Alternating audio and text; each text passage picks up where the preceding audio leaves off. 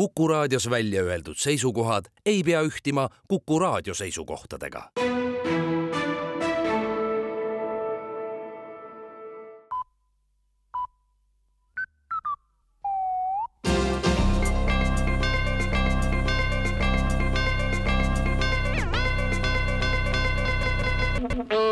tere uudiste stuudiost, mikrofoni juures Rohke Develak Eesti Oma Peaga Mõtlejate Liit on saamas kokku vajaliku hulka allkirju, et esile kutsuda referendum loodusseaduse muutmiseks. Vähemalt on liidu liikmed seda meelt, et see allkirjade kogumise kaudu käib. oma peaga Mõtlejate Liidu sõnul on aeg muuta seadusi, mis näevad ette, et mürgiseid seeni sööv inimene sureb ära või siis kergemal juhul vähemalt haigestub rängalt. selline loodusseadus ei lähe kokku põhiseaduse vaimuga, mis keelab ükskõik kelle diskrimineerimise ükskõik millisel moel. seenesõbrad on siiani olnud diskrimineeritud olukorras, sest seeni, mida süüa oleks võimalik, on tuhandeid, mõned ka juba šokolaadis, aga loodusseadused ei luba ja kohe on sussid püsti.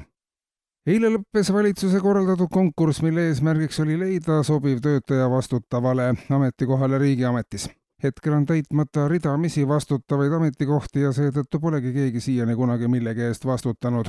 vastutavale ametikohale kandideeris kokkuvõttes ainult üks kandidaat, kes aga konkurssi ei läbinud, sest ta oli juba eelnevalt vastutusele võetud konkurss on läbi kukkunud juba seitseteist korda, sest lisatingimust võtta vajadusel ka poliitiline vastutus peletab kõik kandidaadid eemale kõikides riigiametites kokku on kiiremas korras vähemalt vaja kolmesadat inimest, kes ühe või teise asja eest oleksid võimelised vastutama. kokku on vabu vastutava töötaja kohti ka enam kui tuhatkond ja kedagi leida ei õnnestu, sest kõik vähegi pädevad inimesed on hõivatud tööga komisjonides, mis uurivad, kas peaks ühe või teise asja eest ja kes vastutama, märgib valitsuse pressiteade lõpetuseks veel valitsuse töömailt on loodud töögrupp, kus tuleb peatselt arutluse alla üksi elavate vanainimeste senisest tulemuslikum sotsiaalse toe tagamise võimalus. üheks selliseks võimaluseks on inimese staatuse tõstmine koduloomaga samale pulgale koduloomade heaolu eest hoolitsevad mitmed seadused, määrused, regulatsioonid, inimestele sellised hüved veel ei kehti. kui vana inimene oleks võrdsustatud aga koduloomaga,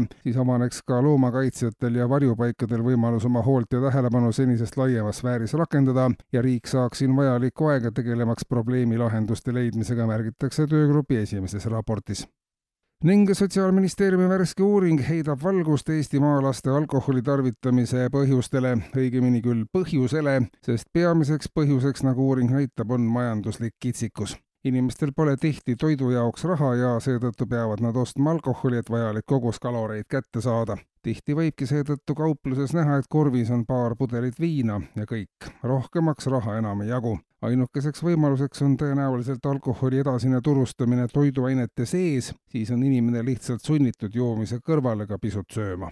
kuulsite uudiseid.